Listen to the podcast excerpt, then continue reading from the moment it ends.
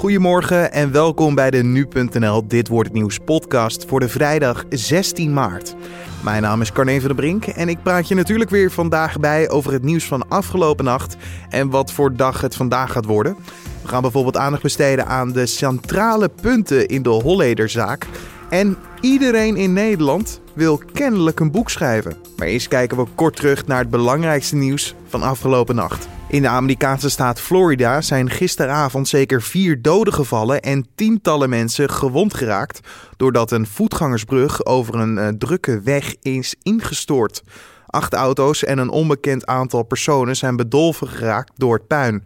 De brandweer meldt verder dat negen mensen naar het ziekenhuis zijn gebracht.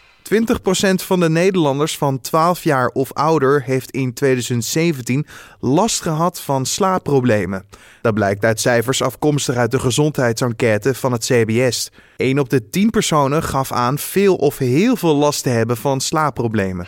Een Amerikaanse legerhelikopter is neergestort in het westen van Irak, nabij de grens van Syrië.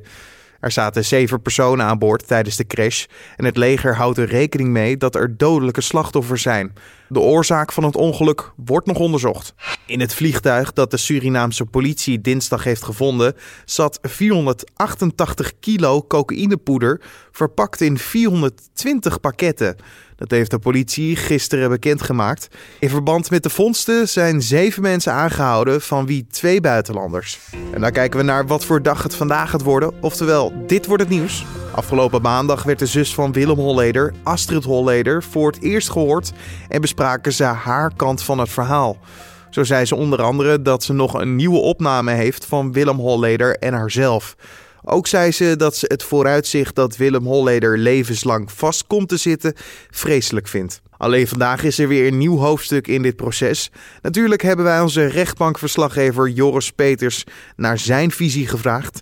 Want de verdediging komt deze keer aan het woord, toch? Ja, klopt. Ja. Ik heb in al mijn enthousiasme verteld dat maandag uh, de verdediging, uh, de advocaten van Willem Holleden, Astrid zouden ondervragen. Uh, maar ik moet daarop terugkomen. Het was namelijk de rechtbank die, die Astrid vragen heeft gesteld.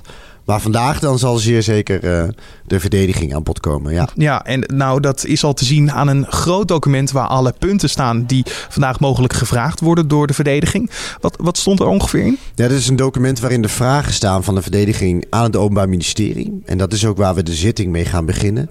En het gaat over een belangrijk onderwerp wat al heel veel besproken is in het proces en ook zeker nog terug gaat komen. En dat is namelijk de criminele erfenis van Cor van Hout. Dat is uh, de man van uh, Sonja Holleder, uh, die in 2003 is geliquideerd. Uh, Holleder, Willem Holleder staat daar ook voor terecht. Hij zou daar opdracht voor hebben gegeven. Um, maar het gaat in dit geval om zijn erfenis. Cor van Hout heeft een aantal panden in bezit gehad in Alkmaar. na zijn dood zouden deze in handen zijn gekomen van Sonja. Um, Sonja zou die op haar beurt hebben verkocht. Uh, maar omdat justitie al vermoedde dat die panden ooit zijn uh, aangeschaft met crimineel geld, te weten het verdwenen Heineken losgeld. Uh, Hout is een van de Heineken ontvoerders geweest.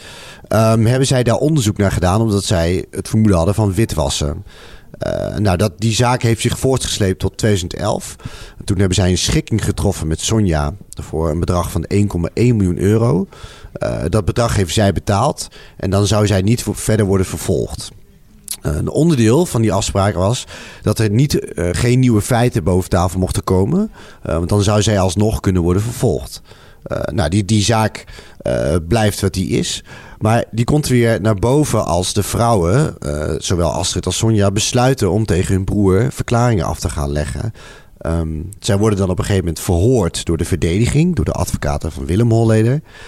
En dan moeten zij beide toegeven dat zij destijds niet de waarheid hebben gesproken. Um, zij beroepen zich dan op een verschoningsrecht. Dat betekent dat je niet belastend hoeft te verklaren over jezelf.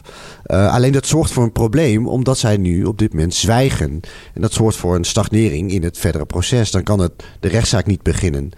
Uh, dus wat de verdediging dan voorstelt aan het Openbaar Ministerie sluit een nieuwe deal met de vrouwen en zorgt ervoor dat zij weer uh, kunnen gaan praten. Nou, dat gebeurt eind 2016, begin 2017 wordt er een nieuwe overeenkomst gesloten. Alleen de verdediging wil nu graag weten uh, wat daarin staat. Ja, en of dat dan wel klopt uh, in vergelijking met de vorige verklaringen, denk ik. Nou ja, kijk, zij hebben het vermoeden dat beide vrouwen, ondanks deze nieuwe verklaring, nog steeds liegen. En dat is natuurlijk een belangrijk onderdeel in dit proces. Want uh, als zij daarover liegen, hoe betrouwbaar zijn zij dan nou, in een verklaring over hun broer? Ze zijn de sleutelfiguren op dit moment in dit proces. Als het gaat om de getuigen. Ja, ja. ja. ja inderdaad. En dus we weten nu dat, dat dat er is gelogen. Maar waarover hebben zij gelogen? Gaat het alleen om witwassen? Eh, valt dat mee? Of is, het, is er mijnheid gepleegd? Of is, ja, is, het, is het groter? Nou, in ieder geval, dat wil de verdediging uiteraard weten. Dat is in belang van hun cliënt. We kijken wel naar wat er vandaag nog meer gaat spelen. Zal dit de hoofdzaak worden of zullen er nog andere dingen voorbij komen? Nou ja, kijk, we, we beginnen hier sowieso mee. En de vraag is een beetje in hoeverre het Openbaar Ministerie hier antwoord op gaan geven. ze, ze zijn er maandag ook al naar gevraagd. En toen waren ze terughoudend en vonden zij eigenlijk dat ze genoeg hadden verteld met het feit dat er een strafbeschikking is afgesproken. Uh, dat is een, een boete. Um, maar dus dat, dat is nog even afwachten. En verder zal, zal ook het voor van Astrid Holleden weer plaats gaan vinden. Nou ja, dat, dat die criminele erfenis ter sprake komt, als, al is het niet vandaag, dan zal het zeker de volgende keer zijn. Dus dat, dat blijft het hoofdonderwerp. Maar verder uh, ja, zullen zij Astrid gaan voor. Ik, ik, ga vanuit over de band met haar broer Willem. Uh, daar heeft zij maandag ook veel over verklaard. Dus daar zal de verdediging meer van willen weten. Je de rechtbankverslaggever Joris Peters. Het is deze week de Boekenweek. Een week waarin er volop wordt genoten van oude, maar ook nieuwe boeken. Van poëzie, biografieën tot aan fictie, boeken en bundels worden deze week in het zonnetje gezet.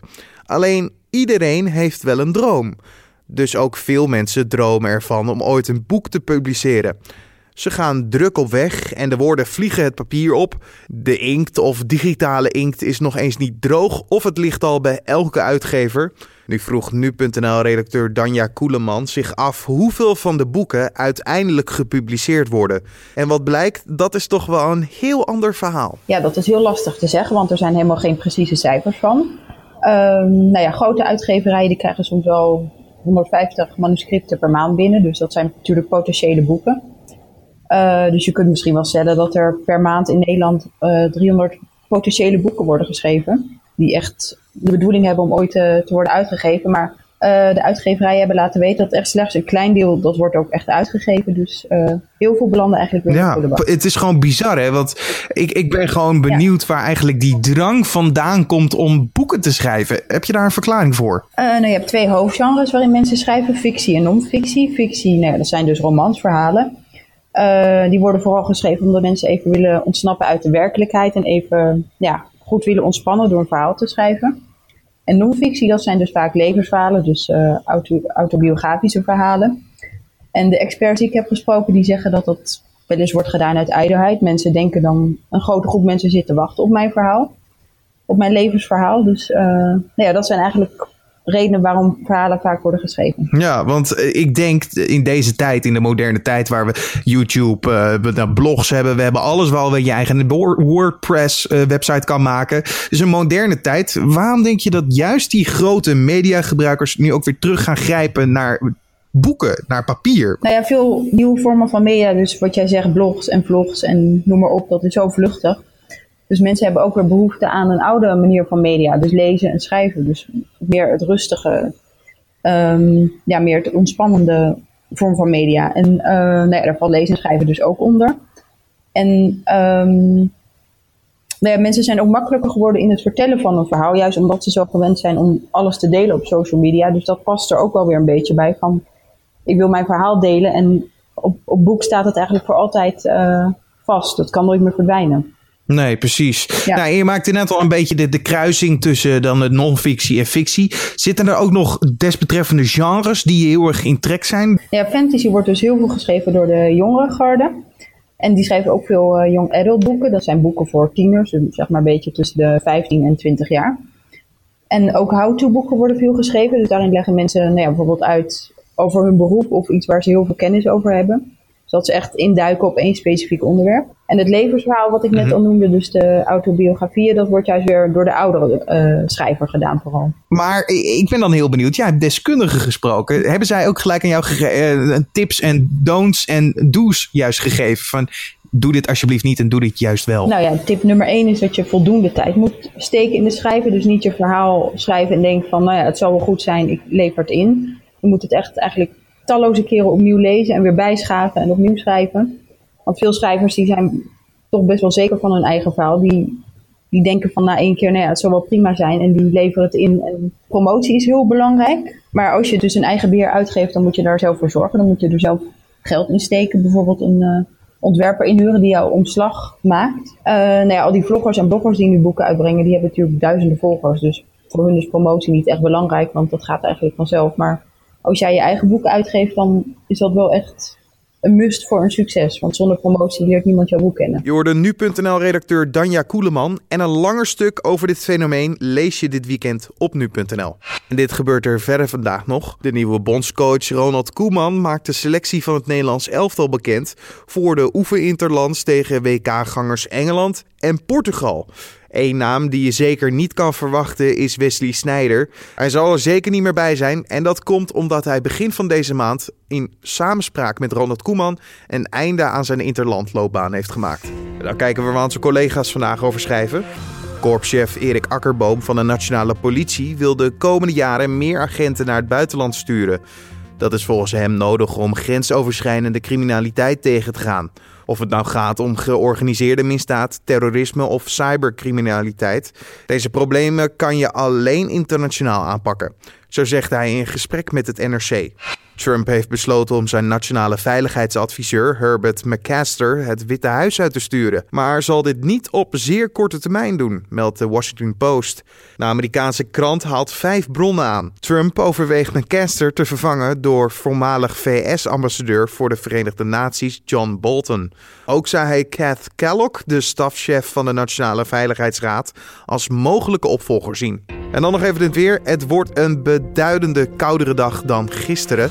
Het regent en in de loop van de ochtend kan dit in het noorden overgaan in natte sneeuw en later in normale sneeuw. Tijdens de avond en nacht naar zaterdag trekt het neerslaggebied langzaam richting het zuiden. En de minima liggen tussen de min 2 in het zuiden en de min 6 in het noorden. En dan nog dit. Een man uit Arnhem moet alle goudvissen die hij in januari heeft losgelaten in de Sint-Jansbeek in die stad weer laten vangen. Dat heeft de Rijksdienst voor Ondernemend Nederland bepaald. De goudvis is een soort die van oorsprong niet in Nederland voorkomt. Hij kan kruisen met de inheemse soorten, waardoor die uiteindelijk verdwijnen. Het vangen moet zo snel mogelijk gebeuren omdat het voortplantingsseizoen op het punt van beginnen staat. Dit was dan de Dit wordt het nieuws podcast voor de vrijdag 16 maart. De Dit wordt het nieuws podcast is er natuurlijk elke maandag tot en met vrijdag. En je kan ons altijd een mailtje sturen naar redactie.nu.nl of een recensie op iTunes. Voor nu wens ik je een fijn weekend en natuurlijk, zoals altijd, tot maandag.